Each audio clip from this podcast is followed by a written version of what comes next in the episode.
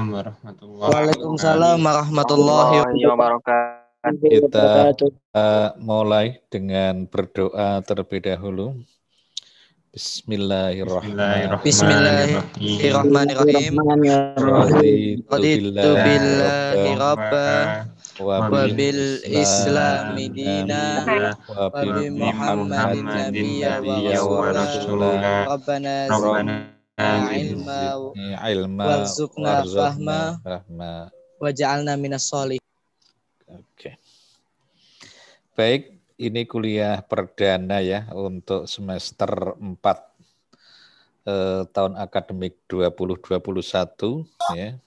Eh, semester ini saya mendapat tugas dua mata kuliah yaitu HTN dan hukum perdata. Nah, untuk hari Sabtu kita HTN, untuk hari Ahad kita perdata ya. Kemudian sebelum saya mulai perkuliahan mungkin ta'aruf terlebih dahulu ya.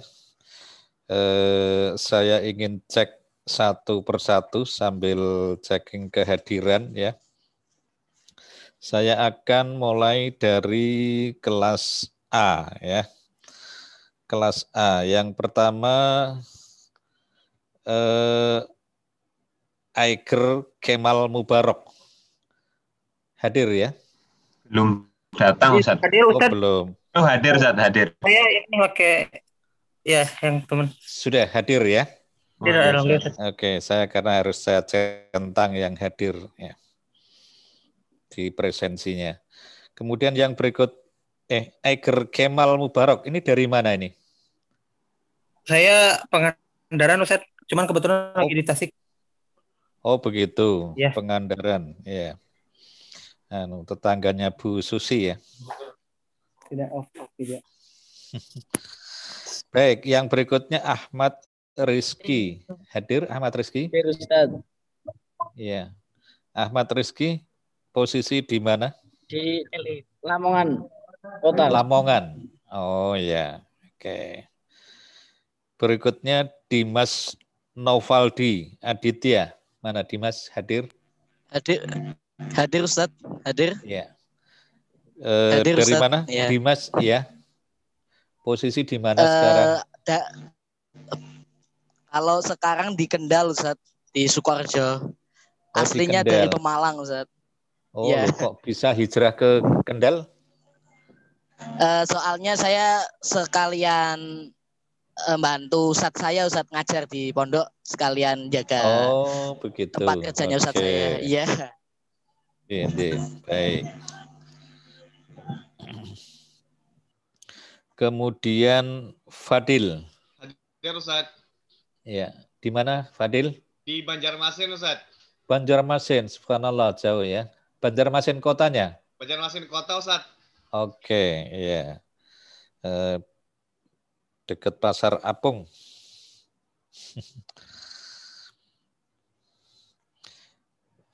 Saya pernah hampir seminggu di Hotel Palem Banjarmasin itu. Oh, Masya itu dekat sekali Ustaz. Di Oh, iya? seberang di, di Iya, seberang saya dekat Ustaz. Rumah sakit rum- Islam itu ya Ustaz. Iya, betul. Oh, ya, Masya Allah, Masya Allah. Islam, terus PWM ya. Ah, betul, betul, betul. Hmm, ya. Kemudian berikutnya Habibur Rahman. Hadir Habibur Rahman? Belum ada tampaknya Ustaz. Belum ya. Oke, nanti biar nyusul mungkin masih sholat ya. Kemudian Isna Anafi. Isa, Isa maaf ya. Isa Anafi. Belum? Belum gabung? Belum, Isa a- ada ini Ustaz. Oh, sudah. Sudah ada Ustaz. Mana Isa? Isa bisa ber Suaranya Mungkin- belum kedengaran? suaranya belum masuk ini Ustaz. Mungkin di mute mungkin ya.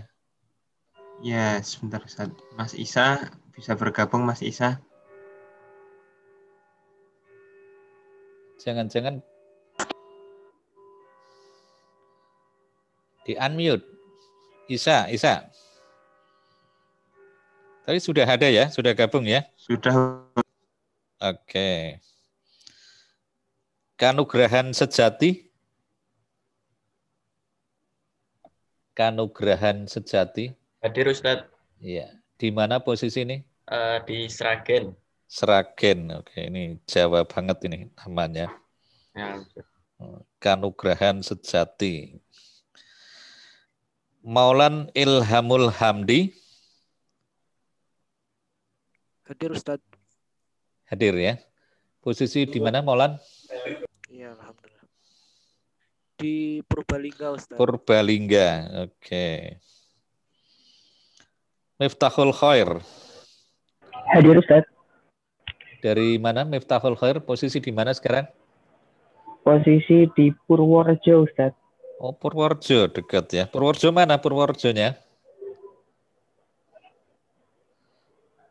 Purworejo kota? Atau- Alun-alun Ustaz. Wih, di alun-alun rumahnya. Iya. Kota Ustaz. Sebelah mana sama alun-alun? Ya, samping alun-alun maksudnya. Oh, sela- selatan, barat, oh timur. Iya, yang mau menuju Iya, ke Iya, timur. Iya, menuju ke pasar ya. Ridwan Ke- Furqoni. Ke UMP Ustaz. Iya, iya, UMP betul. Heeh. Ridwan Furqoni.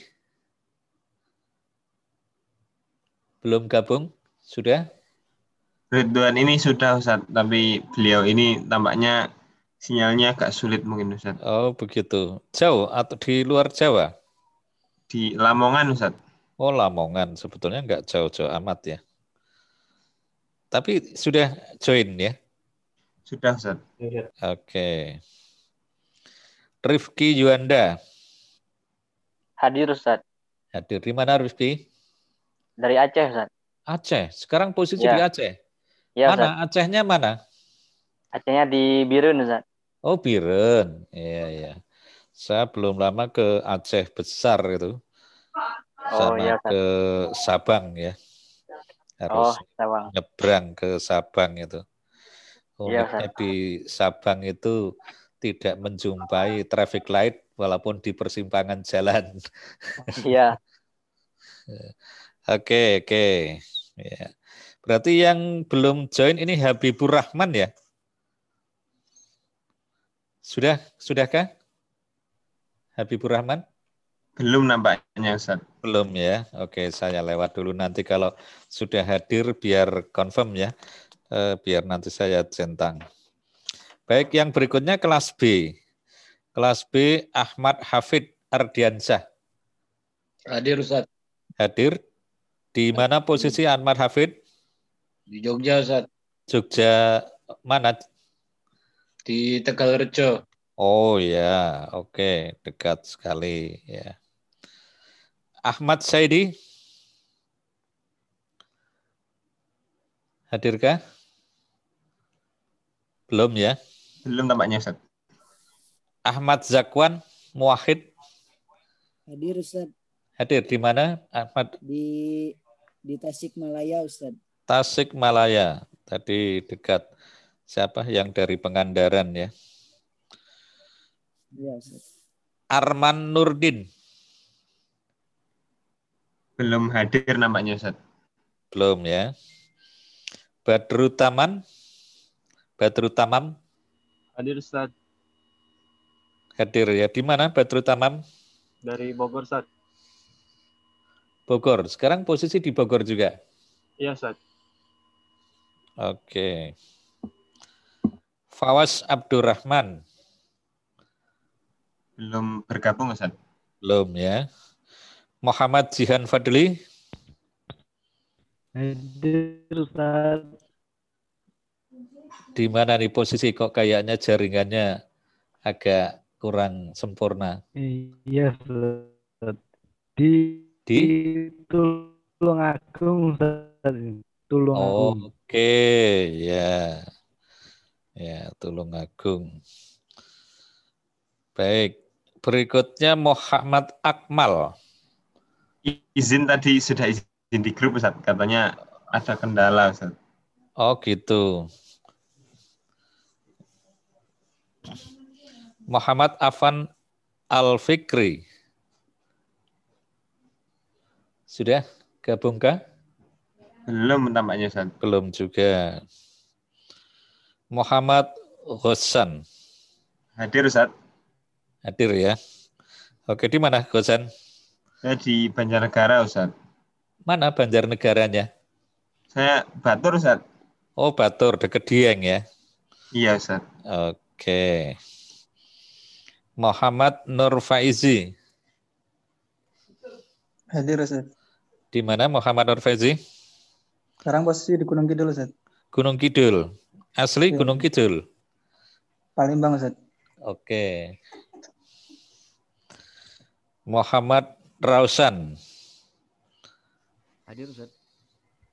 Di mana Muhammad Rausan posisi? Di Umbul Harjo Ustaz. Umbul Harjo deket ya. Yang bau rekso terminal lama ini. Rifan Aditya. Hadir Ustaz. Di mana Rifan? Comal Ustaz. Comal Pemalang ya. Iya Ustaz. Oke. Berarti yang belum join Ahmad Saidi, Arman Nurdin, Muh Akmal, kemudian Muhammad Afan Al Fikri ya. Nanti kalau sudah segera konfirmasi biar saya centang eh, sebagai bukti kehadiran. Baik, jadi eh, sekali lagi hari ini adalah kuliah pertama untuk hukum tata negara ya. Jadi nanti selama satu semester ini kita akan mengkaji lebih jauh tentang hukum tata negara, eh, di mana silabusnya sebetulnya sudah kita serahkan kepada admin PUTM, eh, semestinya sudah didistribusikan kepada seluruh eh, mahasiswa, sehingga sudah eh, memahami setiap materi perkuliahan yang akan dibahas selama satu semester. Namun seandainya memang belum, eh, mungkin besok atau lusa ya, nanti akan saya share ya, karena dulu kebetulan yang rancang silabusnya saya untuk hukum tata negara, hukum perdata maupun hukum pidana ya. Nanti kalau memang admin ada bisa minta ke admin, tapi kalau memang belum ya nanti saya share ya. Intinya hukum tata negara itu kan nanti akan mempelajari yang pertama tentu nanti saya akan mengkaji hukum dan penegakan hukum pada umumnya. Jadi nanti setelah ini saya akan menjelaskan apa itu hukum, kemudian fungsi dari hukum, tujuan hukum, kemudian mengapa diperlukan hukum, kemudian bagaimana penegakan hukum di Indonesia ya nanti akan kita bahas dalam kuliah perdana. Nah, setelah itu baru kita masuk ke pembagian ilmu hukum. Pembagian ilmu hukum itu kan ada hukum publik, ada hukum privat ya. Nah, hukum tata negara ini masuk dalam kategori hukum publik karena memang hukum tata negara itu mengatur hal-hal yang berhubungan dengan publik atau masyarakat. Nah, Adapun materi yang akan kita pelajari nanti di dalam hukum tata negara, eh, yang pertama nanti pengertian hukum tata negara dan juga cakupannya atau ruang lingkupnya.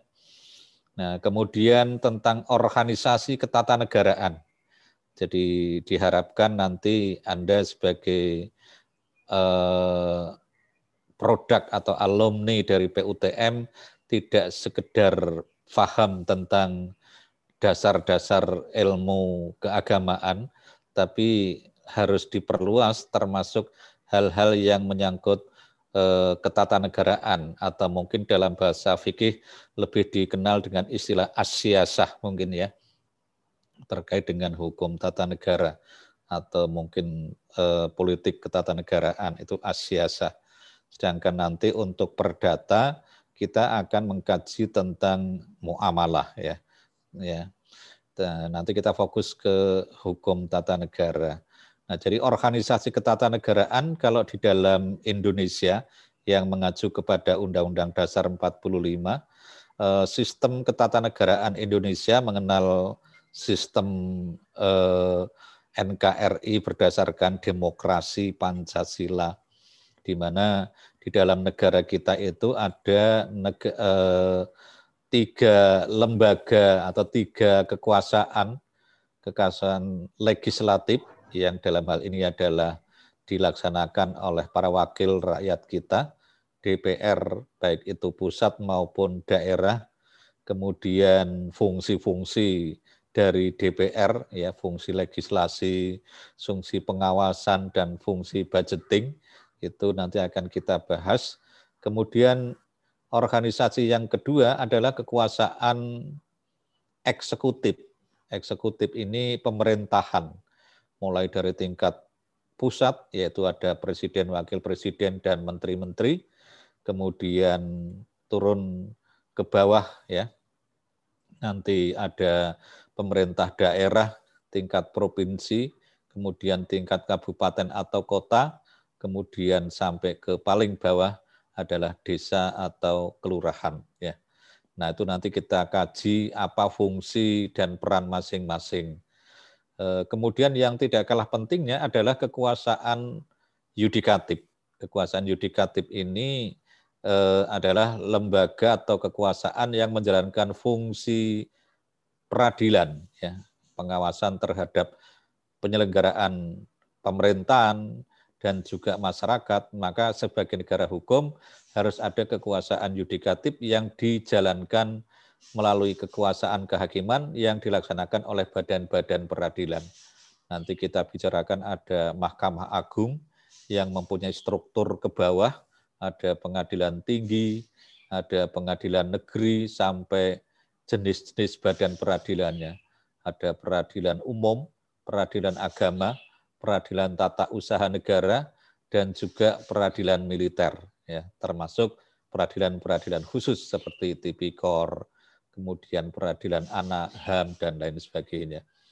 Selain itu juga nanti ada badan peradilan khusus yang tidak memiliki struktur sebagaimana Mahkamah Agung tadi, yaitu namanya Mahkamah Konstitusi. Ya, Mahkamah Konstitusi itu khusus kewenangannya, sehingga strukturnya tidak sampai bawah, tidak ada MK Yogyakarta, MK Lamongan, ya, apalagi MK Gunung Kidul itu enggak ada ya. Adanya ya hanya di pusat ya, karena kewenangannya memang khusus yaitu untuk menilai terhadap ketentuan undang-undang yang dinilai bertentangan dengan Undang-Undang Dasar 45. Itu yang dinamakan GR atau Judicial Review ya atau eh, di dalam hukum eh, tata negara ya eh, nanti akan kita kenal dengan hak menguji ya, ya atau dikenal dengan judicial review itu tadi ya. Nah, itu nanti yang akan kita pelajari seperti itu. Nanti kalau sudah paruh semester, kita akan masuk pada materi baru, yaitu tentang peraturan perundang-undangan. Ya, jadi kita berharap ya siapa tahu nanti dari eh, alumni PUTM ini ada yang terjun ke dunia politik ya, biar nanti punya bekal ya, jangan sampai lulusan PUTM kok nggak ngerti undang-undang dan hukum kan nanti memalukan kan. Nah, oleh karena itu kurikulum kita ada materi hukum tata negara yang salah satu materinya nanti akan saya sampaikan tentang peraturan perundang-undangan, hukum perundang-undangan. Jadi nanti legal draftingnya bagaimana, jenis-jenis peraturan perundangan di Indonesia itu apa saja, bentuknya, dan bagaimana cara membuatnya atau membentuknya. Itu yang nanti akan kita pelajari di dalam satu semester kira-kira itu ya nanti eh, untuk silabusnya. Nah untuk literatur saya kira nanti banyak sekali itu nanti di dalam silabus sudah ada saya lampirkan literatur yang menjadi eh, sumber bacaan utama di dalam mata kuliah HTN ya eh, tentu banyak peraturan perundang-undangan ya kalau misalnya tadi berbicara peraturan perundang-undangan ya harus berbicara tentang hukum yang wujudnya berupa undang-undang pembentukan peraturan perundang-undangan. yaitu Undang-Undang Nomor 12 Tahun 2011. Nanti Anda baca. Saya nanti kalau misalnya kita pas berbicara Mahkamah Agung, ya kita membaca Undang-Undang Mahkamah Agung. Anda harus baca Undang-Undang Mahkamah Konstitusi, Undang-Undang tentang lembaga legislatif, itu ada semuanya. Jadi memang berbicara hukum itu dalam hukum modern itu memang hukumnya bentuknya adalah hukum tertulis. Ya. Kira-kira itu gambaran yang akan kita pelajari. Nah kali ini saya akan masuk pada pengantar atau pendahuluan yang sifatnya umum. Ini saya ganti slide-nya, ini saya stop share dulu ya. Saya akan ganti yang baru.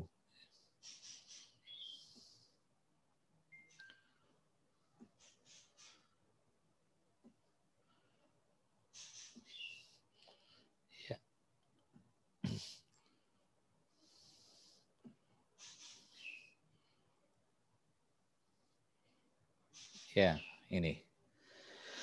Baik, kita sekarang mau belajar hukum tata negara ya. Biar ibaratnya kita mau masuk ke sebuah rumah maka kita harus ketuk pintu dulu. Kalau kita mau mengkaji tentang hukum tata negara hukum perdata dan hukum-hukum yang lain karena hukum itu cabangnya banyak sekali. Kalau di fakultas hukum itu masing-masing cabang ada yang dikaji selama satu semester ada yang dua semester ada yang tiga semester Nah, ini pengantarnya adalah pengantar ilmu hukum kalau di Fakultas Hukum. Baru nanti pengantar hukum Indonesia, baru nanti ada hukum perdata, hukum pidana, hukum tata negara, hukum administrasi negara, hukum lingkungan, hukum perkawinan, hukum pajak, hukum pidana korupsi, dan lain sebagainya. Nah, ini karena di PUTM tentu kurikulumnya berbeda, maka nanti untuk kajian hukumnya kita tidak bisa mendetail sekali seperti halnya di Fakultas Hukum yang terbagi-bagi ke dalam beberapa semester. Nah, sehingga nanti kita menggunakan paket hemat ya biar lebih efektif tanpa mengurangi substansi eh, di dalam mengkajinya. Nah, sekarang kita akan berbicara apa itu hukum ya. Hukum, hukum itu kadang orang sering pobi ya kalau mendengar istilah hukum dalam hukum itu kalau kita taati, kita fahami sangat indah sekali ya. Hukum itu menjadi menakutkan ketika dilanggar sebetulnya. Hukum itu seperti air atau seperti api ya. Air atau api itu kalau kita gunakan, kita manfaatkan dengan baik, itu akan memberikan manfaat yang luar biasa kan. Api bisa untuk masak, bisa menghantarkan listrik, bisa menghantarkan tenaga uap dan sebagainya ya. Tapi kalau digunakan dengan sembarangan ya akan bisa membawa petaka kepada kita semuanya ya. Bahkan bisa mati ya kalau kita main-main api sembarangan ya. Air juga demikian. Air itu kalau kita kelola, kita manage, kita manfaatkan dengan baik, sangat-sangat memberikan manfaat yang luar biasa dalam kehidupan manusia. Tapi kalau kita sembrono terhadap air, maka juga bisa membawa petaka, ya, banjir, longsor, dan sebagainya. Nah, sekarang persoalannya bagaimana kita memanage, memanfaatkan dengan baik terhadap api dan air. Demikian juga hukum. Hukum itu kalau kita buat dengan baik, kita kelola dengan baik, tujuannya juga diwujudkan, kemudian kita taati, maka akan memberikan manfaat luar biasa dalam kehidupan manusia, baik itu di dalam bermasyarakat maupun bernegara. Nah, atas dasar itulah ya, maka hukum dapat dirumuskan pengertiannya kira-kira seperti ini. Nanti kalau Anda membaca berbagai literatur, mungkin berbeda-beda redaksinya. Tapi substansinya saya kira tidak jauh berbeda. Yang pertama ya, hukum itu seperangkat instrumen tatanan sosial. Nah, baru dari segi redaksinya saja sudah indah ya. Seperangkat instrumen tatanan sosial. Ya. Kalau sudah berbicara instrumen, itu kan kita konotasinya kan instrumentalia, musik ya. Nah, tidak hanya berlaku untuk musik. Instrumen itu kan alat. Alat yang fungsinya untuk menata kehidupan sosial. Jadi manusia itu sebagai makhluk sosial ya. Kalau di dalam teorinya Aristoteles ya, mungkin Anda ketika belajar mata pelajaran sosiologi ya, mungkin yang di SMA atau di madrasah aliyah yang dari eh, IPS ya, maka ada mata pelajaran sosiologi. Nah, di dalam sosiologi itu salah satu kajiannya adalah tentang manusia dalam hidup bermasyarakat. Kenapa manusia itu bermasyarakat? Nah, ini ketika manusia yang satu dengan yang lain saling berinteraksi untuk mencapai tujuan-tujuan kehidupan, ya, karena manusia itu kan kata Aristoteles itu kan makhluk sosial, zon politikon, begitu ya, masih ingat ya. E, artinya manusia itu tidak bisa hidup dengan sendirinya. Ada simbiosis mutualisme yang tidak bisa terputus. Ya, terlebih manusia yang satu dengan manusia yang lain itu saling membutuhkan ya anda ingin memperoleh ilmu harus belajar ya belajar itu tidak bisa dengan sendirinya ya dalam sistem pendidikan yang modern tentu harus ada peserta didik ada pendidik ada sarana pendidikan nah untuk mewujudkan itu semuanya nggak mungkin diwujudkan dengan sendirinya kan butuh orang lain siapa para pendidiknya gurunya, dosennya, pengasuhnya. Kemudian sarana kelembagaan yang akan mengelola, memanage sistem pendidikannya itu siapa? Tentu banyak mulai dari paling dasar ada pendidikan prasekolah, sekolah dasar, sekolah menengah, perguruan tinggi, S1, S2, S3. Itu adalah sistem pendidikan, manajemen pendidikan yang memang menyediakan sarana prasarana dalam proses belajar mengajar. Nah, itu tidak bisa sendirinya kan, butuh melibatkan orang banyak. Nah, itulah bukti bahwa manusia itu adalah sebagai makhluk sosial. Itu baru dalam bidang pendidikan. Dalam kehidupan yang lain misalnya, Anda sekarang mungkin masih sendirian ya, kehidupannya masih disupport oleh orang tua lah katakanlah nanti suatu saat orang tua akan melepaskan Anda. Anda harus mampu hidup mandiri.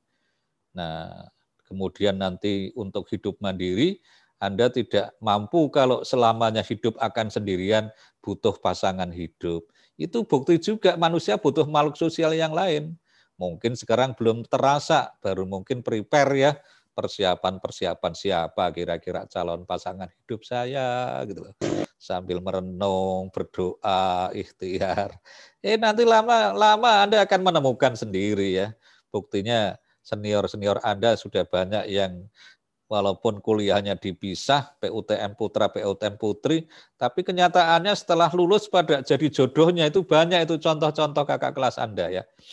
Nah, ini bukti bahwa manusia sebagai makhluk sosial ya yang nanti untuk melangsungkan kehidupannya untuk memperoleh keturunan tentu butuh pasangan hidup ya nah, yang itu semuanya harus tunduk kepada aturan-aturan tidak bisa karena anda makhluk manusia itu kan makhluk sosial yang termulia ya kata agama kita juga mengajarkan ya manusia itu merupakan makhluk yang paling mulia ciptaan Allah yang paling luar biasa karena memiliki keunggulan di antaranya adalah akal, kira-kira kan begitu. Beda dengan hewan ya. Hewan itu hukumnya yang dibuat adalah hukum rimba. Siapa yang paling kuat ya itulah yang paling berkuasa menentukan segala kehidupan di sekitarnya. Coba Anda lihat mungkin binatang-binatang piaraan, kalau Anda piara binatang misalnya ayam lah katakanlah satu kandang mungkin isi berapa ekor ayam. Maka kelihatan ayam yang paling kuat fisiknya, itulah yang paling hebat, makannya bisa paling banyak. Nanti kalau yang lain mau ikut makan, eh, kemudian diusir. ya. Kemudian nanti cari pasangan jodohnya, itu juga pejantan yang paling kuat, itu menangan. Tidak hanya sekedar poligami kayak manusia dibatasi maksimum 4, mungkin bisa 10, bisa lebih ya, sehari ganti pasangan berapa jam kemudian ganti pasangan lagi, ya karena tidak ada hukum perkawinan. Beda dengan manusia. Manusia masa mau sama dengan hewan binatang seperti ayam piaraan Anda kan nggak mungkin. Nah, ayam itu nggak punya akal, nggak punya norma-norma sosial yang menciptakan agar mereka hidupnya tertib. Manusia punya, itu yang namanya hukum. Anda nggak bebas nanti keluar dari rumah, lihat ada wah wanita kok cakep-cakep, cantik-cantik, langsung serbu, terkam. Kan nggak boleh begitu. Nah, maka ada aturan mainnya, harus ada pernikahan agar nanti halal menjadi pasangan hidup sebagai suami istri yang sah. Itulah yang nanti akan dipelajari dalam hukum perdata. Salah satunya adalah hukum perkawinan. Nanti kalau dalam fikih ada fikih munakahah. Nah, Anda sementara baru belajar ilmunya, belum praktek dalam kehidupan. Nanti sampai dengan waktunya akan e, tiba ya. E, baik. Jadi hukum itu intinya adalah sebuah alat untuk mengatur kehidupan manusia agar hidupnya teratur, tertib. Mana yang benar, mana yang salah. Ya. Contoh saja yang sederhana lah dalam bidang lalu lintas misalnya. Ya. Untuk mengatur kehidupan manusia dalam berlalu lintas.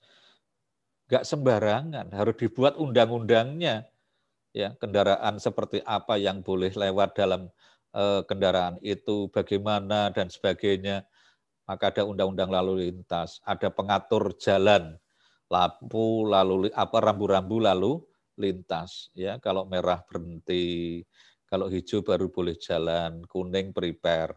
Itu sederhana banget implementasi dari hukum lalu lintas. Bayang lalu lintas mungkin listriknya lagi mati, kan kacau kalau tidak dibantu oleh pengatur lalu lintas, polisi lalu lintas. Itu baru persoalan lalu lintas, belum hak-hak yang lainnya. Kepemilikan atas harta kekayaan. Ini kacau kalau nggak ada hukum. Orang punya tanah warisan, ya eh, orang kaya ya. Kalau nggak ada hukum, maka siapa pun orang yang bisa mengalahkan orang yang kaya bisa merampas hartanya. Ya, tapi nggak bisa seperti itu karena itu tadi ada hukum. Ya, hukum itu mengatur kehidupan sosial. Gunanya untuk apa? Agar melindungi hak-hak dan kewajiban manusia. Mana yang sudah punya hak milik atas tanah sepanjang bisa dibuktikan sebagai pemilik yang sah, orang lain nggak boleh mengganggunya. Siapa pun yang memiliki kendaraan sepanjang bisa membuktikan kepemilikan sah kendaraan, orang lain nggak boleh sembarangan. Mau pinjem, boleh kalau diizinkan. Mau beli, silahkan kalau memang mau dijual. Nggak boleh nyerobot langsung pakai, wah langsung digebuki orang kampung kan, kira-kira kan begitu. Atau mungkin nanti akan ke polisi urusannya. Nah itu hukum. Kalau manusia sudah tertib taat dengan hukum, maka tadi hak-hak kita akan terjamin, kepentingan kita akan terjamin, keadilan akan bisa dinikmati. Nah, kalau sampai ada yang melanggar aturan hukum, maka akan dikenakan sanksi. Dari definisi itu, maka akan terlihat ciri dari hukum itu ada tiga. Hukum itu berupa instrumen tatanan sosial yang bersifat mengatur. Jadi ciri utamanya adalah mengatur. Yang kedua, bersifat memaksa. Hukum itu bersifat memaksa. Kalau nggak ditaati akan bersanksi kan begitu. Kalau ada orang yang melanggar akan dikenakan sanksi. Bagaimana? Pakai alat kekuasaan, polisi nanti yang akan nangkap. Ya, ajukan ke pengadilan. Bukti enggak kalau bersalah, hukum. Kalau tidak bersalah, bebas kan begitu. Nah, jadi itu. Ciri yang ketiga, bersanksi. Jadi ada tiga, mengatur, memaksa, dan bersanksi. Itu ciri dari hukum berdasarkan definisi itu. Oke ya, jadi Anda sekarang sudah tahu hukum. Nanti ada pembagiannya, kita belum sampai ke sana. Hukum itu ada hukum publik, ada hukum privat. Hukum publik itu hukum yang objeknya adalah mengatur persoalan-persoalan publik, masyarakat, dan negara. Termasuk HTN itu publik.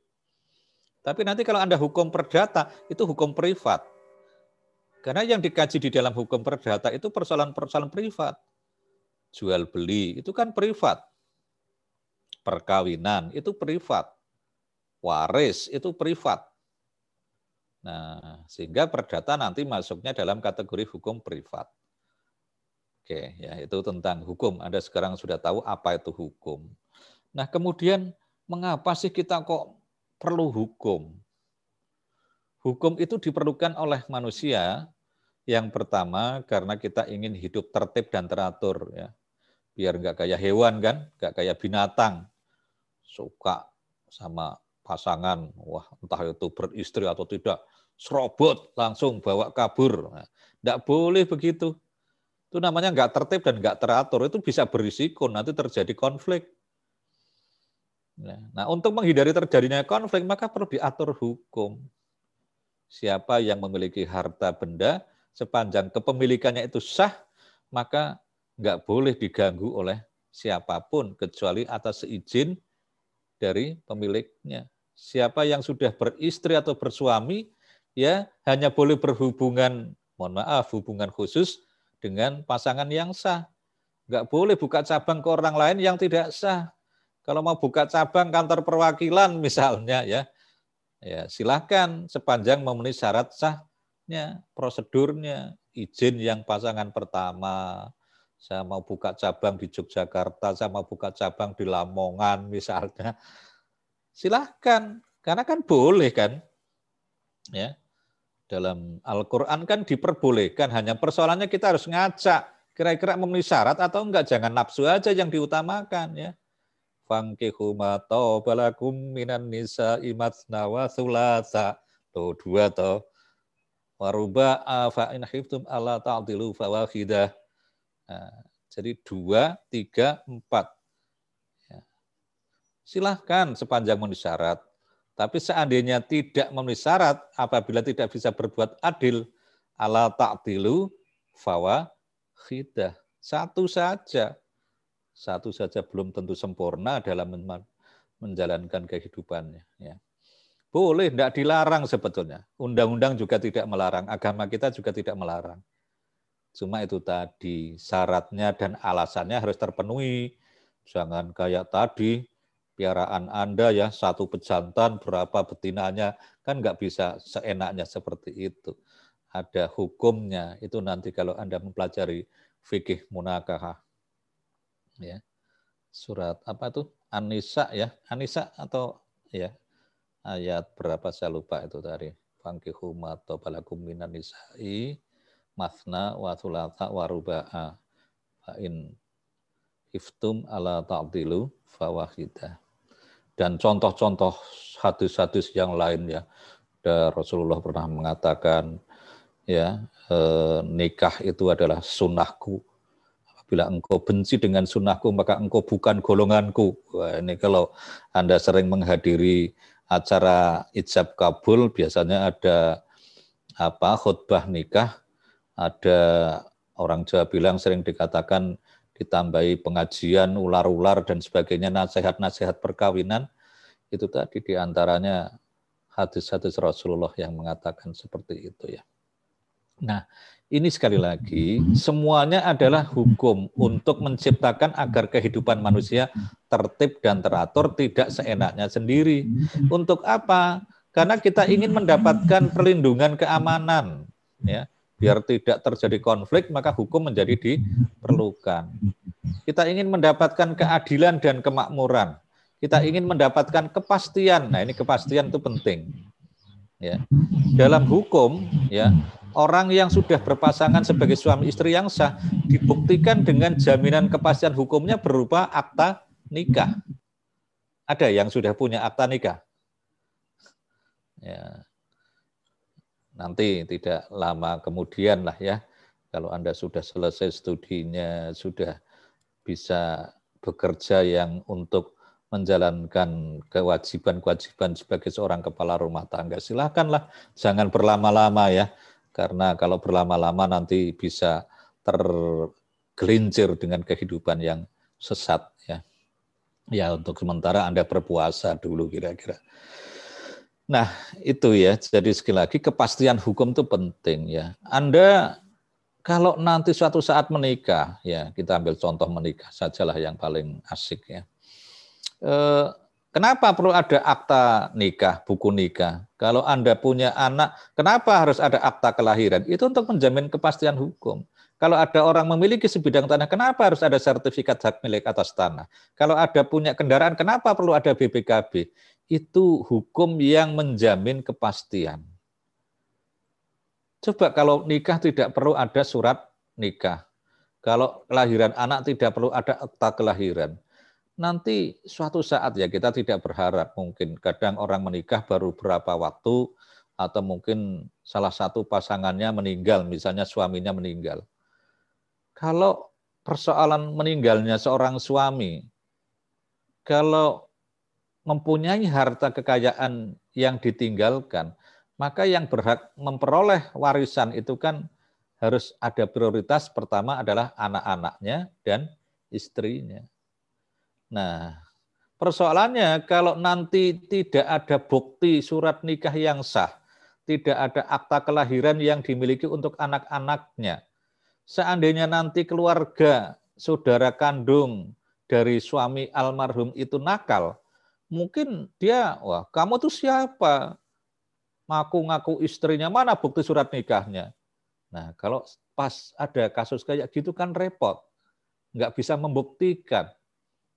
Maka akhirnya harta warisannya kembali kepada keluarga suami almarhum kan. Kalau tidak bisa membuktikan seandainya jadi konflik. Kalau tidak jadi konflik ya tidak ada masalah gitu. tapi kalau sudah ini loh bahwa saya adalah istrinya itu anak-anak keturunannya ini buktinya akta kelahirannya. Nah berarti anda saudaranya sudah tidak berhak untuk memperoleh warisan. Karena ada prioritas ahli waris yang harus mendapatkan hak waris sehingga saudaranya nggak boleh nyerobot seenaknya sendiri. Nah, ini ini penting ya. Atau mungkin sebidang tanah. Kita misalnya memiliki tanah luas tapi tidak dekat dengan rumah tinggal kita. Nah, tahu-tahu mungkin dikuasai orang tanpa seizinnya dibangun rumah atau dibangun toko misalnya. Ya, pernah kami nangani di Pekanbaru juga begitu ya. Pemiliknya ada di Jakarta, kebun sawit dulu ada sekitar 40-an hektar ya. Nah, suatu saat begitu dicek mau dijual ya, ternyata sudah dibangun rumah-rumah dan ruko-ruko di tanahnya. Wah, akhirnya disuruh pindah baik-baik tidak mau. Nah, kemudian kami dimintai tolong untuk mengajukan gugatan ke pengadilan. Nah, sepanjang bukti kepemilikannya sah, ada sertifikat, bukti jual belinya dulu dari mana. Akhirnya ya kita bisa mempertahankan hak miliknya. Sehingga orang yang tinggal di situ ya harus pergi, diusir, dieksekusi dengan cara paksa untuk meninggalkan rumah dan bangunan yang sudah dibangun sementara itu. Nah ini ini jadi sekali lagi hukum itu akan menjamin kepastian hukum. Dan lain-lain yang pada prinsipnya berorientasi pada upaya memproteksi hak-hak dan kewajiban kita. Itu kira-kira di antara mengapa kita perlu hukum ya. Oke, kita lanjut. Saya mungkin langsung ah ini ini fiksi hukum. Ada teori hukum yang cukup-cukup bagus ini namanya fiksi hukum bahwa setiap orang dianggap tahu akan hukum. Tidak ada orang bebas dari hukum dengan alasan karena tidak tahu hukum. Ya, bahasanya agak muter-muter, agak filosofis ya. Tapi ini substansinya bagus ya. Jadi hukum itu itu kan berlaku untuk semuanya. Hukum itu, undang-undang itu kalau sudah diketok palu oleh Dewan, DPR, kemudian Presiden teken, diundangkan, maka itu sudah mengikat ke seluruh stakeholders yang diatur objek pengaturan dalam hal ini semua warga, semua penduduk yang ada di wilayah teritori Indonesia. Nah, tidak pandang bulu apakah itu di Jawa atau di luar Jawa, orang desa ataukah orang kota, pejabat ataukah orang paling bawah, maka harus tahu hukum. Enggak boleh, saya ini kan orang di daerah yang sangat terpencil, enggak ngerti kalau ada orang beli tanah itu harus pakai jual beli. Kalau kita mau menikah itu harus lewat KUA. nggak ngerti saya. Pernah itu dulu tahun berapa ya, pernah di salah satu kampung yang belum terlalu banyak berinteraksi dengan kehidupan modern, ya satu kampung itu kalau menikah itu nggak lewat KUA, pokoknya asal sudah suka sama suka, menikahlah mereka tidak cara dengan menikah seperti kita, ya syarat rukun nikah harus dipenuhi, sehingga terjadilah incest, ya ada yang saudara kandung menikah jadi suami istri punya keturunan, nggak jelas kan silsilahnya kalau seperti itu kan kacau itu kan. Padahal kalau menurut fikih munakahah, kalau masih ada hubungan saudara kandung apalagi ya itu kan haram dinikahi kan. Tapi itu terjadi karena ketidaktahuan mereka. Nah ini gimana? Kayak zaman jahiliyah lah kira-kira kan begitu. Nah ini kalau sudah hukum berlaku tidak bisa itu dianggap tidak sah kalau seperti itu perkawinannya. Ya. Maka kalau itu baru hukum perkawinan. Kalau nanti menyangkut hukum pidana, ya tidak ada alasan bahwa saya nggak ngerti hukum maka saya harus bebas dari hukuman. Nggak boleh begitu. Karena memang hukum itu kan mengatur semua sektor kehidupan sosial. Jadi mengatur semua sektor kehidupan sosial. Makanya bidang apa saja dalam kehidupan manusia itu memerlukan hukum. Bidang pertanian, bidang teknologi, bidang elektronik, bidang kedirgantaraan, walaupun mereka orang eksakta, itu tidak bisa katakan, wah saya kan nggak pernah belajar hukum, ngapain saya harus taat dengan hukum nggak boleh begitu. Begitu mereka melanggar, hukum harus ditegaskan. Nah, inilah fiksi hukum. Makanya kenapa di PUTM perlu belajar hukum? Biar nanti kalau berlaku fiksi hukum, Anda sudah tidak ada masalah karena pernah belajar hukum sehingga ngerti hukum. Mana yang benar, mana yang salah. Nah, tapi nggak bisa berargumen, wah karena saya tidak pernah belajar ilmu hukum, lalu saya tidak mau dikenakan aturan hukum, nggak boleh begitu argumennya. Karena ada fiksi hukum bahwa setiap orang itu dianggap tahu hukum dan tidak ada orang bebas dari hukum dengan alasan karena tidak tahu hukum. Oke, ya, saya lanjut. Nanti sampai waktunya saya berikan kesempatan untuk berdialog. Oke, jadi hukum kan Anda sudah tahu. Tujuan hukum Anda sudah tahu. Mengapa perlu hukum Anda sudah tahu. Kemudian ada fiksi hukum. Nah, hukum itu walaupun sudah ada aturan yang jelas, misalnya hukum pidana, mencuri dilarang, membunuh dilarang, korupsi dilarang. Tapi kan dalam kenyataannya walaupun itu dilarang dalam undang-undang, masih ada orang mencuri, masih ada orang membunuh, masih ada orang korupsi, ya bahkan semakin merajalela korupsinya, duit untuk diberikan dalam rangka penanggulangan COVID malah diembat oleh menterinya misalnya. Ini ini realitasnya kan begitu, ya duit untuk bikin KTP elektronik juga diembat oleh pejabat-pejabat sampai sekarang masih banyak yang belum dihadiri. Kasus Bank Senturi misalnya berapa triliun, 8 triliun lebih. Itu juga sampai sekarang ada pejabat tinggi sekali belum diadili, padahal sudah terindikasi terlibat. Ya, dulu pernah jabat RI 2 itu ya. Sampai sekarang mangkrak, tidak tahu KPK kok nggak berani nyentuh itu. Nah, ketika hukum sudah dilanggar, berarti hukum itu tidak ditaati. Padahal menurut idealnya tadi kan hukum itu kan mengatur, memaksa, dan bersanksi. Kan begitu cirinya ada tiga. Tapi dalam kenyataannya melanggar. Nah kalau sudah melanggar, berarti hukum sudah roboh. Nah oleh karena itu harus ditegakkan. Itu yang kita kenal dengan istilah law enforcement, penegakan hukum. Bagaimana orang yang terbukti bersalah ya harus diberikan sanksi hukum. Bagaimana cara memberikan sanksi lewat proses hukum? Nah, ketika akan menegakkan hukum itu ibaratnya kita mau bangun rumah ya ya itu harus punya pondasi yang kuat. Saya teringat ini pesan dari Allah Yarham Kiai Haji Yusuf Muhammad, seorang ulama besar dari Jawa Timur, eh, dulu sebagai politisi ya, sekitar tahun 2000-an lah ya, eh, karena saya ini memperoleh ceramah dari beliau itu tahun 2003 ya, kurang lebih 2003 ya, tentang jadi waktu itu DPR RI akan membahas undang-undang advokat. Nah, kami sebagai advokat-advokat di daerah diundang ke DPR RI untuk membahas dan memberikan masukan terhadap DPR dalam menyusun RUU advokat menjadi undang-undang advokat. Nah, sebelum acara dimulai ya ada ceramah pengantar atau pidato pengantar yang disampaikan oleh salah satu anggota DPR RI, Kiai Haji Yusuf Muhammad. Tapi beliau orang baik ya, Allah tidak memberikan umur panjang, ya eh, kena serangan jantung, kemudian wafat ketika masih menjadi anggota DPR aktif waktu itu. Eh, beliau mengatakan, saudara-saudara, kalau saudara ingin menjadi penegak hukum yang selamat dunia akhirat, maka empat hal yang harus menjadi pondasinya. Nah, makanya ini saya ilustrasikan ibaratnya orang mau membangun rumah, itu kan yang pertama kali dibangunkan pondasinya.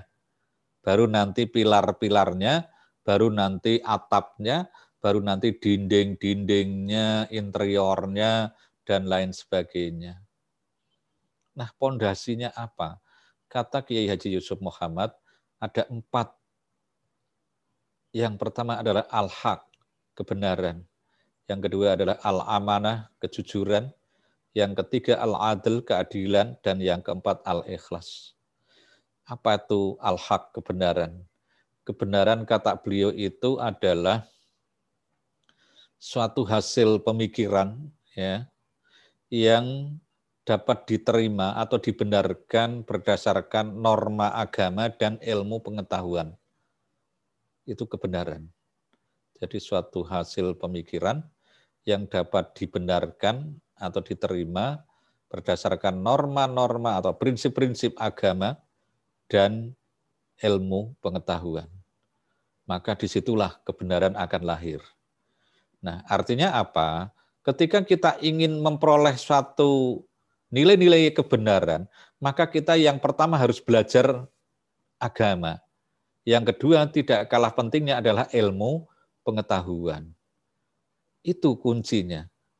Ya, misal ada seorang dokter. Dokter itu kan bisa menjadi pinter, tahu mana ini orang sakit, orang sehat, indikasinya seperti apa, tindakan medis apa yang diperlukan, karena dia kan belajar kedokteran. Ya, Coba kalau dia nggak belajar kedokteran kayak saya misalnya, kan saya bukan ahli medis. Kalau ada tanya orang, kok saya pusing-pusing ya?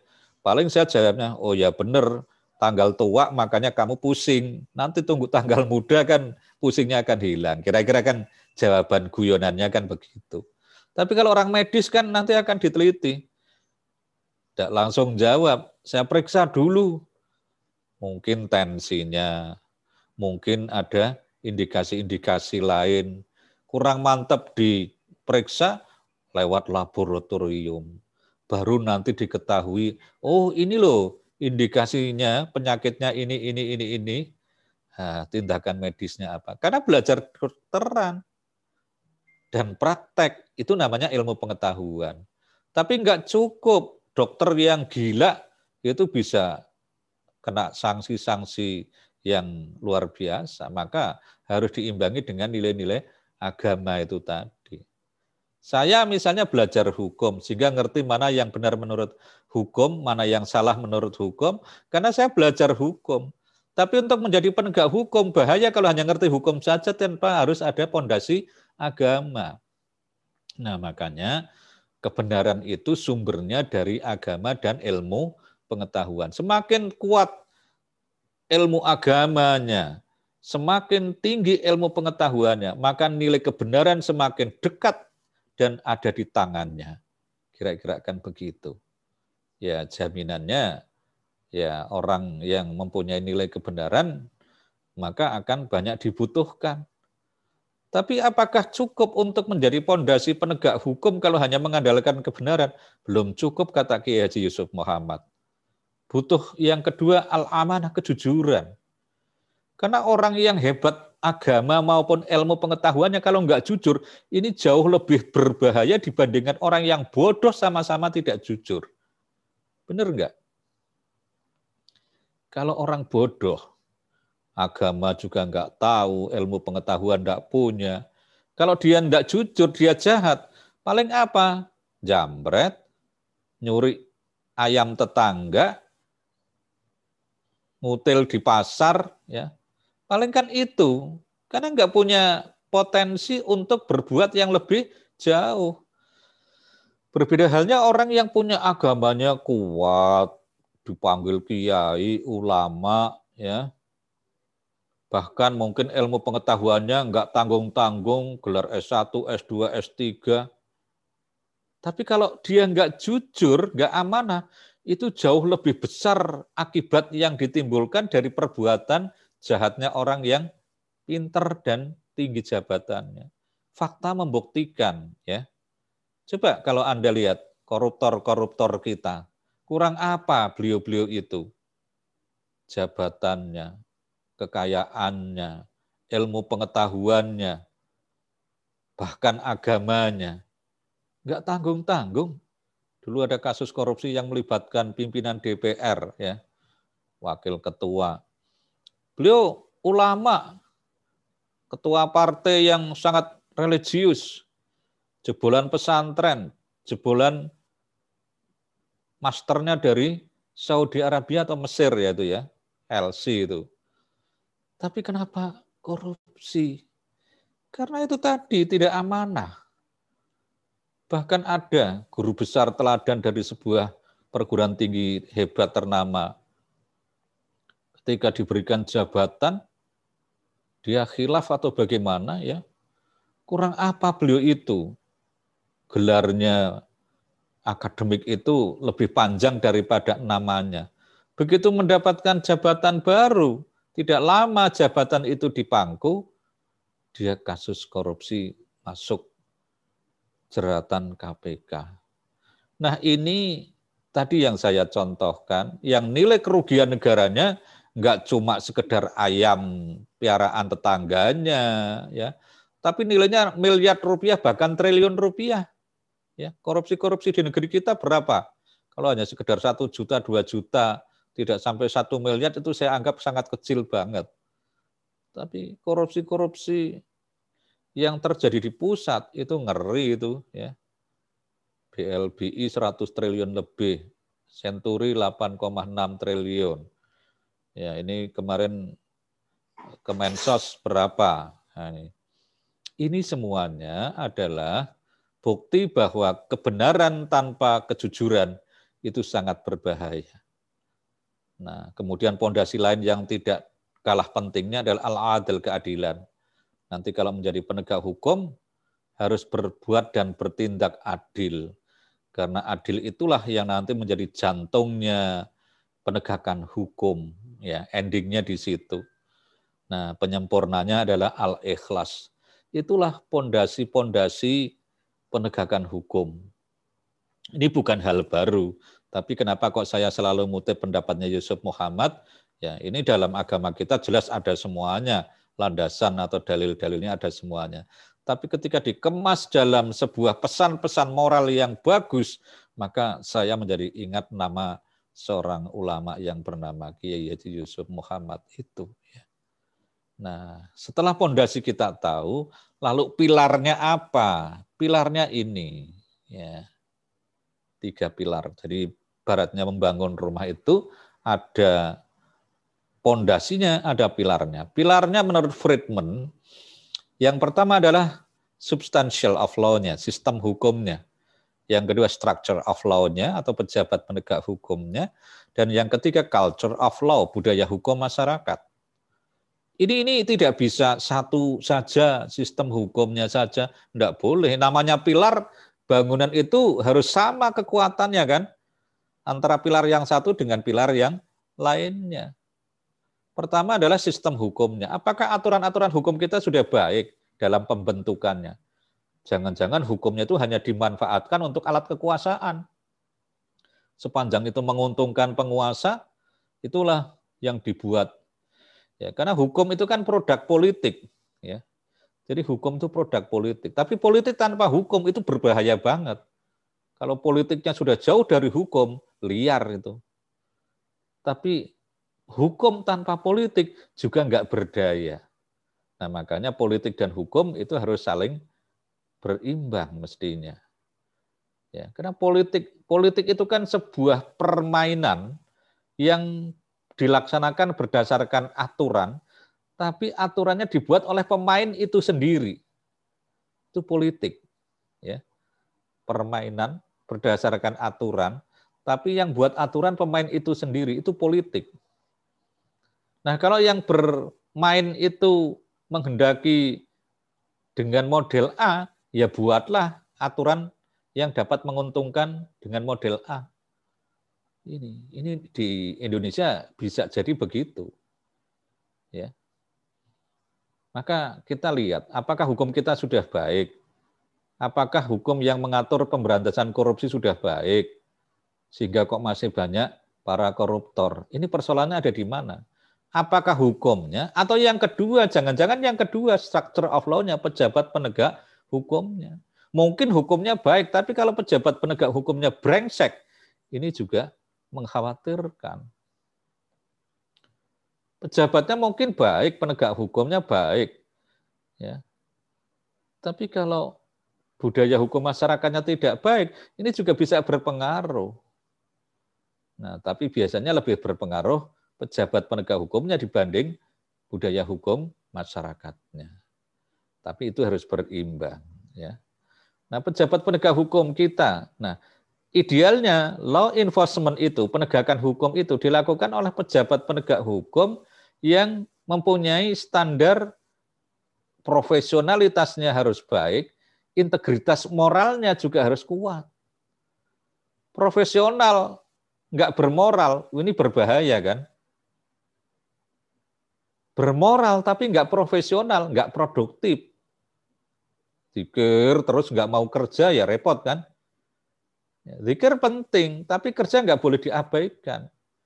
Bekerja itu penting, tapi juga jangan tinggalkan dengan zikir. Nah, oleh karena itu, pejabat penegak hukum yang baik sebagai pilar penegakan hukum yang profesional dan bermoral. Nah, kemudian yang tidak kalah pentingnya adalah culture of law, budaya hukum masyarakat masyarakat kita itu sekarang sudah sakit, terkontaminasi oleh virus-virus, bukan corona saja, tapi virus korupsi. Coba sekarang kalau ada pilkada, atau mungkin pilkades lah ya, maka ketika dibuat angket misalnya, siapa calon pemimpin Anda yang mau Anda pilih? Kriterianya apa? Nanti ada dua opsi misalnya. Yang pertama, pinter, jujur, tapi nggak mau bagi-bagi. Maka masyarakat akan menilai itu pelit, kira-kira akan begitu. Yang satu, ilmunya bagus, ya, kemudian eh, pinter, jujur, nggak mau bagi-bagi itu yang tadi pelit.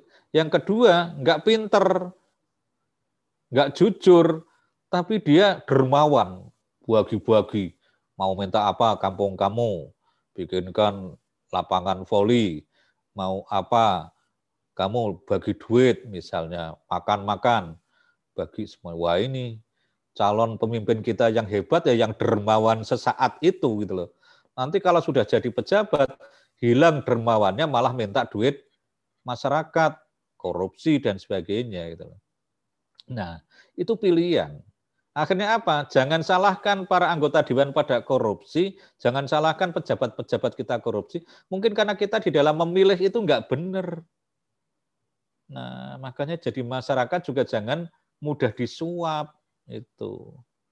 Itulah makanya tiga pilar itu harus dikuati dengan berimbang sehingga penegakan hukum pertama tadi pondasinya kuat, pilarnya juga kuat, kokoh. Oke, kira-kira itu pengantar saya. Saya belum masuk ke hukum tata negara. Nanti di pertemuan yang kedua kita baru masuk ke hukum tata negara.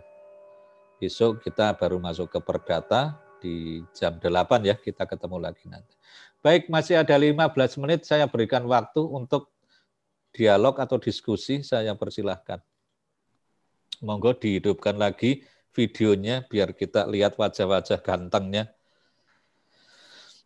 Afan mau bertanya, Ustaz? Ya, silakan.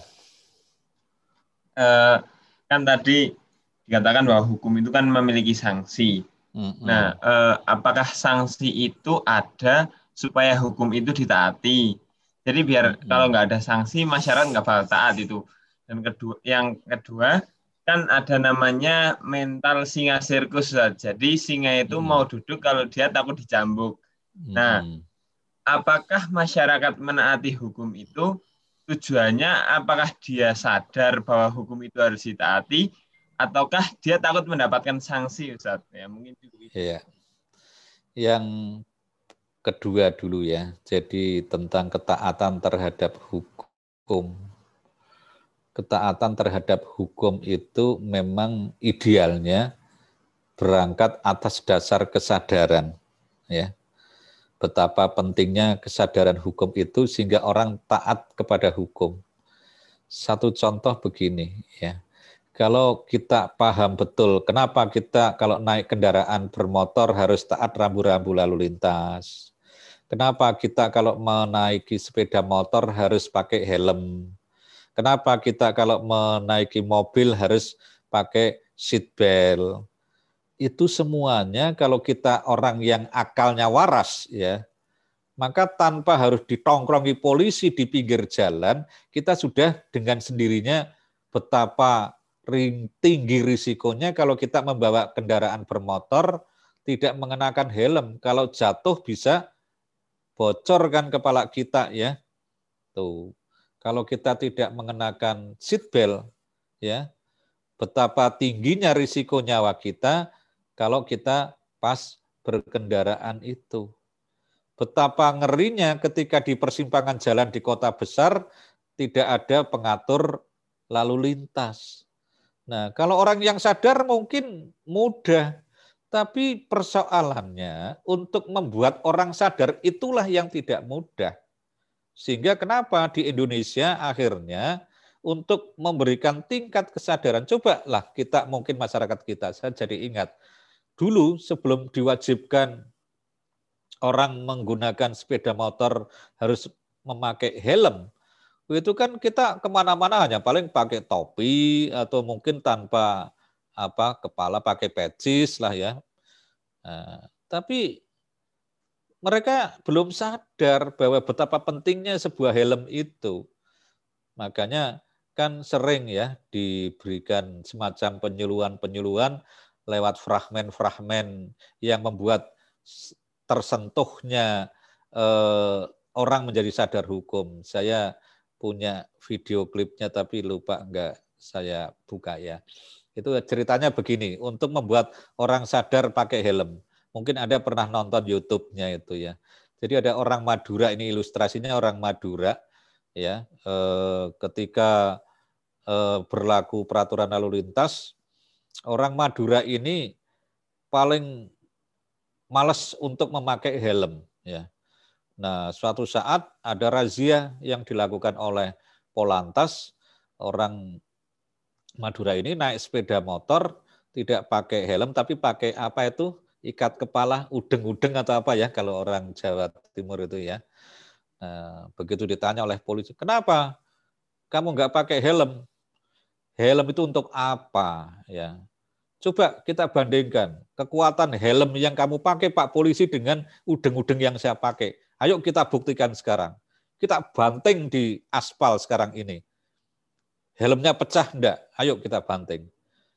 Udeng-udeng saya saya banting, saya jamin aman kalau dibanting di aspal. Nekat itu kan, ya, dasar orang Madura kan ngeyel itu ya. Ini ini contoh ilustrasi, kalau digeneralisir bahwa orang Madura itu ngeyel semuanya, ini hanya contoh eh, dalam fragmen ya untuk membuat sadar masyarakat. Ya betul, polisinya juga nggak bisa berkutik jawab seperti itu. rasional dong dibanting yang namanya udeng-udeng ikat kepala itu kan dari kain dibanting ya jelas nggak rusak kan nggak pecah kan nah, tapi kalau helm terbuat dari fiber kalau dibanting dengan keras ya walaupun helm yang standar pun pasti akan pecah nah kemudian ya sudahlah kamu nggak bisa diatur silahkan jalan Wah, akhirnya lari kencang itu si orang Madura naik sepeda motor dengan memakai udeng-udeng itu tadi wah dilalah ini. Mungkin kualat dengan omongannya, akhirnya singkat cerita si sepeda motor yang diniaki orang Madura itu kecelakaan ya. Eh, kemudian jatuh kecelakaan tunggal. Nah, dibawalah ke rumah sakit. Ternyata yang luka adalah kepalanya walaupun pakai udeng-udeng.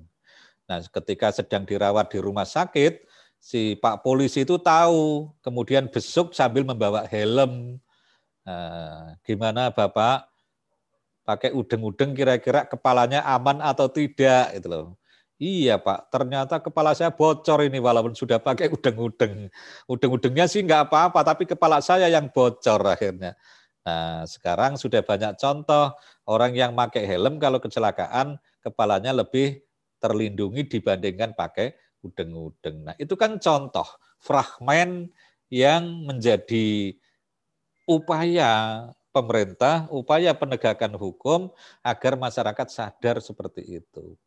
Tapi itu kan nggak semua orang bisa disadarkan dengan cara kayak gitu. Ya akhirnya Indonesia menggunakan cara tongkrongi saja, bikinlah di setiap sudut-sudut persimpangan jalan ada pos polisi yang mengawasi kalau ada orang yang melanggar, semprit, tilang, atau mungkin razia. Kalau di negara-negara maju yang pernah saya berkunjung misalnya, itu nggak ada polisi jaga di pinggir jalan kayak di negara kita gitu loh. Ya mereka karena kesadaran hukumnya lebih bagus. Paling hanya semacam radar-radar pengintai pengguna jalan lalu lintas nanti ya kalau di kilometer berapa nanti ada CCTV orang ini eh, melebihi kecepatan rata-rata yang dapat dikenakan sanksi baru ditilang dan sebagainya. Kira-kira begitu ya. Jadi untuk membentuk kesadaran hukum masyarakat itu justru yang menjadi diperlukan sehingga orang sadar itu tidak semuanya orang dapat dengan sendirinya sadar. Nah, kalau semua masyarakat sadar dengan hukum enak banget, maka pengadilan menjadi sepi kira-kira ya. Kantor kami juga mungkin sepi juga kantor law firm kami ya. Kira gitu. Kemudian yang satunya terkait dengan sanksi ya tadi ya.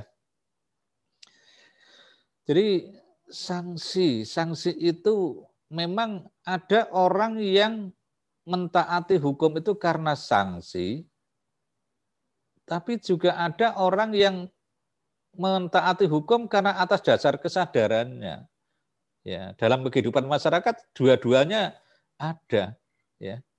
Maka dari itu di Indonesia yang namanya sanksi menjadi diperlukan. Tujuan sanksi menurut teori hukum modern itu ya salah satunya untuk fungsi penjeraan bagi masyarakat. Biar jera gitu loh. Itu loh, nah orang korupsi itu hukumannya berat, ya misalnya ya.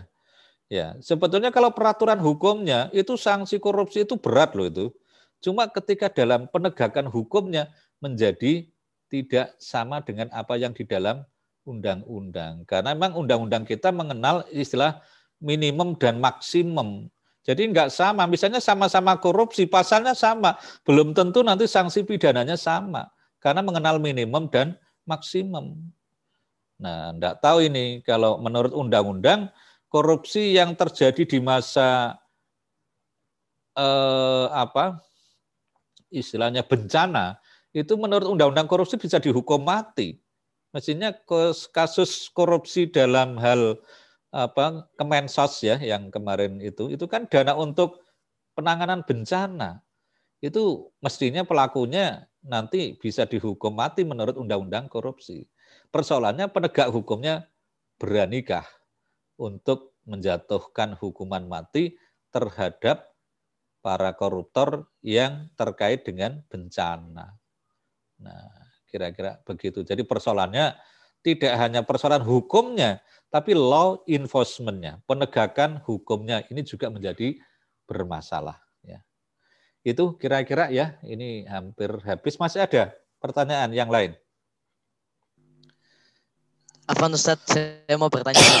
Ya, silakan. Eh, Dimas Ustadz, Ya. eh, kok kenapa di dunia ini, terutama di Indonesia, kok kenapa ada korupsi Ustadz? Itu awal mula korupsi itu dari zamannya siapa Ustadz? Afwan Ustadz, mungkin seperti itu Ustadz. Ya, manusia ya, manusia itu kalau kita lihat sejarah kapan manusia itu berbuat salah dan berbuat menyimpang dari aturan ya, itu kan sebetulnya sejak zaman Adam ya, Nabi Adam itu kan sudah terjadi peristiwa-peristiwa pelanggaran hak-hak orang lain yang dilakukan oleh manusia. Mungkin kalau dulu Nabi Adam tidak terlempar ke dunia, ya karena melanggar sumpahnya tidak akan memakan apa eh, buah holdi atau ya, Iya Ustadz. sehingga tetap manusia di surga semuanya mungkin tidak ada perlu PUTM, tidak ada mata kuliah hukum pidana, hukum tata negara dan lain sebagainya. Ya, ya, ya itulah karena manusia itu mempunyai sifat-sifat manusia yang kadang-kadang justru ya. Nah, saya memang di dalam Al-Qur'an kan ada ya. Pada hakikatnya setiap manusia itu kan dilahirkan dalam keadaan fitrah, suci ya. Apabila dia lahir karena menjadi Majusi, Nasrani atau Yahudi karena terjadi di dalam milionya, lingkungannya, kan begitu toh. Hereditinya, pembawaannya kan suci. Nah, kalau di dalam teori kriminologi terbalik bahwa pada hakikatnya setiap manusia itu jahat. ya punya potensi menjadi kriminal. Setiap manusia itu walaupun pakai kerudung rapat jilbab atau Anda pakai sorban kopiah itu punya potensi jahat. Nah, apabila imannya kuat dan menjadi takwa, maka menjadi manusia yang baik. Kira-kira kan begitu. Teori kriminologi begitu. Sehingga kalau saya ditanya sejak kapan ya kayaknya dideteksi sejarahnya susah. Kalau saya tadi bilang ya itu mungkin sejak Nabi Adam sudah terjadi peristiwa-peristiwa pelanggaran hak-hak manusia yang dilakukan oleh manusia itu sendiri gitu. Nah, mungkin bentuk perbuatannya saja yang dari fase ke fase kehidupan manusia sudah berubah. Nah, karena sudah ada negara sehingga menjadi korupsi. Dulu kan belum ada negara zaman Nabi Adam kan. Nah, ketika sudah mulai ada kekhalifahan ya, ada sistem ketatanegaraan atau asiasa, ya maka definisi korupsi itu kan menggunakan uang secara melawan hukum, menggunakan fasilitas negara yang melawan hukum. Jadi objeknya harus aset negara yang namanya korupsi. Jadi kalau misalnya menggunakan atau menyalahgunakan uang Perserikatan Muhammadiyah, namanya bukan korupsi karena Muhammadiyah bukan negara, tapi itu dalam bahasa hukum dinamakan penggelapan. Ya, tapi kalau yang menjadi objek itu adalah aset negara atau uang negara, ya karena yang dikorupsikan belum tentu uang, bisa mobil, bisa gedung, bisa tanah, ya, nah, maka itu baru dinamakan korupsi. Begitu ya. Saya kira itu. Nanti kalau kita mau diskusi lebih lanjut, kita masih bisa bertemu lagi ya di mata kuliah hukum tata negara yang minggu yang akan datang ya. Nah, kalau besok kita perdata berbeda ya, nanti fokus kajiannya kita berbeda. Baik, saya kira itu jam di rumah saya ini sudah menunjukkan jam 5 kurang satu menit ya. Saya kira kita akhiri ya untuk perkuliahan HTN pada sore hari ini. Kita lafatkan dan kita tutup bersama-sama dengan hamdalah bersama. Alhamdulillah. Alhamdulillah warahmatullahi wabarakatuh. Waalaikumsalam.